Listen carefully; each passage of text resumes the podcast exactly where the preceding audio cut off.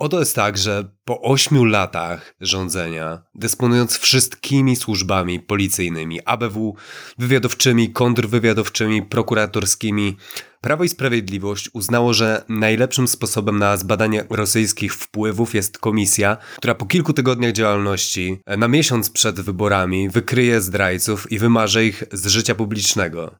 Trudno w tym tygodniu nie mieć skojarzeń historycznych. Właśnie teraz Sąd Najwyższy po 91 latach uznał, że wyrok procesu brzeskiego powinien zostać unieważniony. No właśnie, e, no i na trzy miesiące przed wyborami e, ta właśnie komisja, która ma być de facto sądem e, i która łamie wszelkie standardy trójpodziału władzy, to jest naprawdę bliskie temu, co działo się 91 lat temu.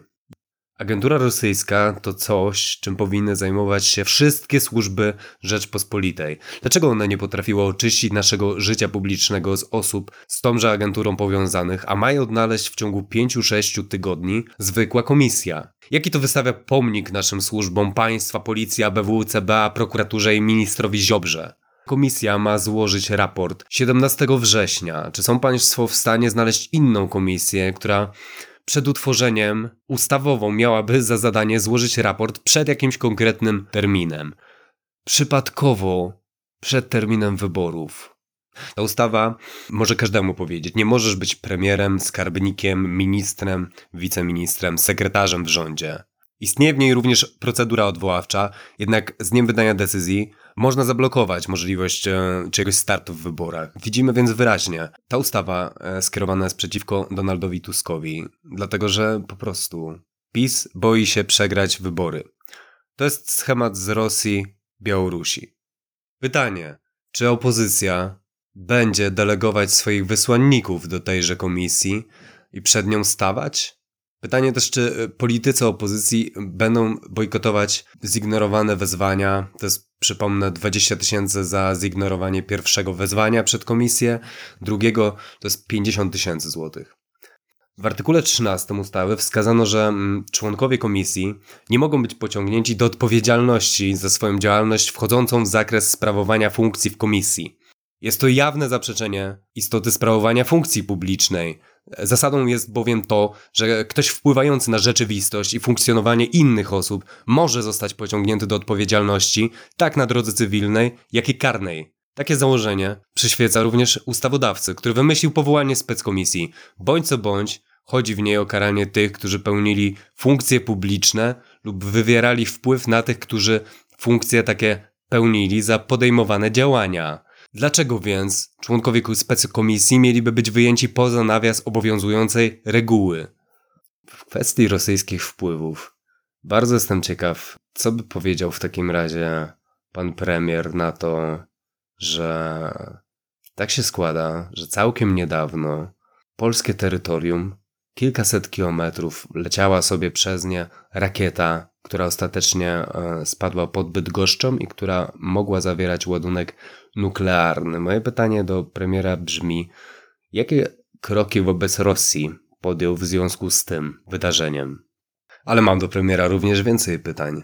Na przykład, jak to jest, że w roku 2011, czyli już po roku, w którym Prawo i Sprawiedliwość Prawo i Sprawiedliwość od lat foruje narrację mówiącą o zamachu smoleńskim. Jak to jest możliwe, że pan premier Morawiecki, będąc prezesem banku BZWBK w 2011 roku, doradzał przy próbie sprzedaży azotów, zakładów azoty Rosjanom? Transakcja ta została zablokowana, została uznana przez państwo polskie za próbę wrogiego przejęcia. Gdyby Rosjanie wtedy przejęli azoty, w dużym stopniu kontrolowaliby cały polski rynek spożywczy. Tak się składa, że ten sam pan premier Mateusz Morawiecki również jako prezes banku BZWBK doradzał państwu polskiemu, aby sprzedać PKP Cargo rosyjskim kolejom, których, e, którym przewodniczył wtedy przyjaciel Władimira Putina. Szymon Hołownia oświadczył, czemu zaprzeczał przez kilka ostatnich tygodni. Dzisiaj Szymon Hołownia ogłosił, że dołączy do marszu 4 czerwca. Przed Komisją do Spraw Rosyjskich Wpływów może stanąć każdy, a jej członkowie będą mieli praktycznie nieograniczony dostęp do wszelkich państwowych informacji, łącznie z materiałami i dokumentami zawierającymi informacje niejawne i tajemnice przedsiębiorstwa. Politycy PiSu na OFIE mówią o tym, że boją się, że ta ustawa uczyni z Donalda Tuska męczennika i Prawo i Sprawiedliwość przegra wybory z kretesem. Nie ma również w PiSie ludzi, którzy potrafią przesłuchiwać, czego dowiodły ostatnie trzy komisje śledcze, z których Donald Tusk nie tylko wyszedł bez szwanku, ale wręcz jako triumfator. Dla wielu wyborców, także opozycyjnych, podpisanie przez Andrzeja Dudę Lex Tusk i odesłanie do Trybunału Konstytucyjnego w trybie następczym mogło być mimo wszystko zaskoczeniem. W końcu to Duda powstrzymywał Lex TVN i z premedytacją odesłał ustawę o Sądzie Najwyższym do skłóconego Trybunału Konstytucyjnego. Mm, jednak e, zestawiając te e, powyższe decyzje w całość, trudno nie mieć wrażenia, że główną motywacją Dudy e, nie jest wybijanie się na niepodległość, a zwykła małostkowość. Oczywistym zamysłem całej tej ustawy jest wezwanie, próba wezwania Donalda Tuska przed komisję do spraw wpływów rosyjskich jesienią tuż przed wyborami. I to może okazać się największym błędem. Oto bowiem cała uwaga opinii publicznej będzie skierowana na Tuska, który dostanie show w prime time.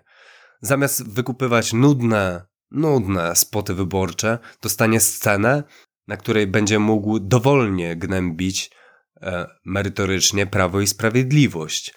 Wyobraźmy sobie na przykład, że opozycyjni członkowie komisji będą zadawać pytania w stylu Panie premierze, pański doradca z czasów premierowania Mateusz Morawiecki był prezesem banku, który miał pośredniczyć w przejęciu azotów przez Rosjan.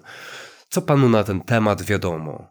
Takie i podobne pytania mogą sprawić, że to nie Tusk będzie grillowany przez komisję, a PiS. Załóżmy też, że Prawo i Sprawiedliwość postanowi, że to jest najlepszy pomysł, żeby Donalda Tuska ukarać e, jakąś karą lżejszą, e, czyli utrudnia, utrudniając na przykład ewentualne pełnienie funkcji premiera, e, zakazem otrzymania poświadczenia bezpieczeństwa albo zakazem pełnienia funkcji związanych z dysponowaniem środkami publicznymi na okres do 10 lat. Cóż na tym zyska? Poza tym, że zrobi z Tuska męczennika. Jak zareagują Amerykanie? Jak zareaguje Unia Europejska? Wypłatę których funduszy znowu zawiesi? I w czym to przeszkodzi Donaldowi Tuskowi? Przecież nadal będzie szefował Platformie Obywatelskiej. Co więcej, będzie mógł nadal kandydować do Sejmu. A nawet gdyby jakimś cudem ostała się wykładnia, że nie może, to po prostu do Sejmu dostanie się ktoś inny z szeregowych e, z z Tuskiem jako formalnym doradcą. A potem zacznie się batalia sądowa, gdzie pierwszy lepszy, nieodzyskany sąd administracyjny, decyzję komisji spuści w publikacji.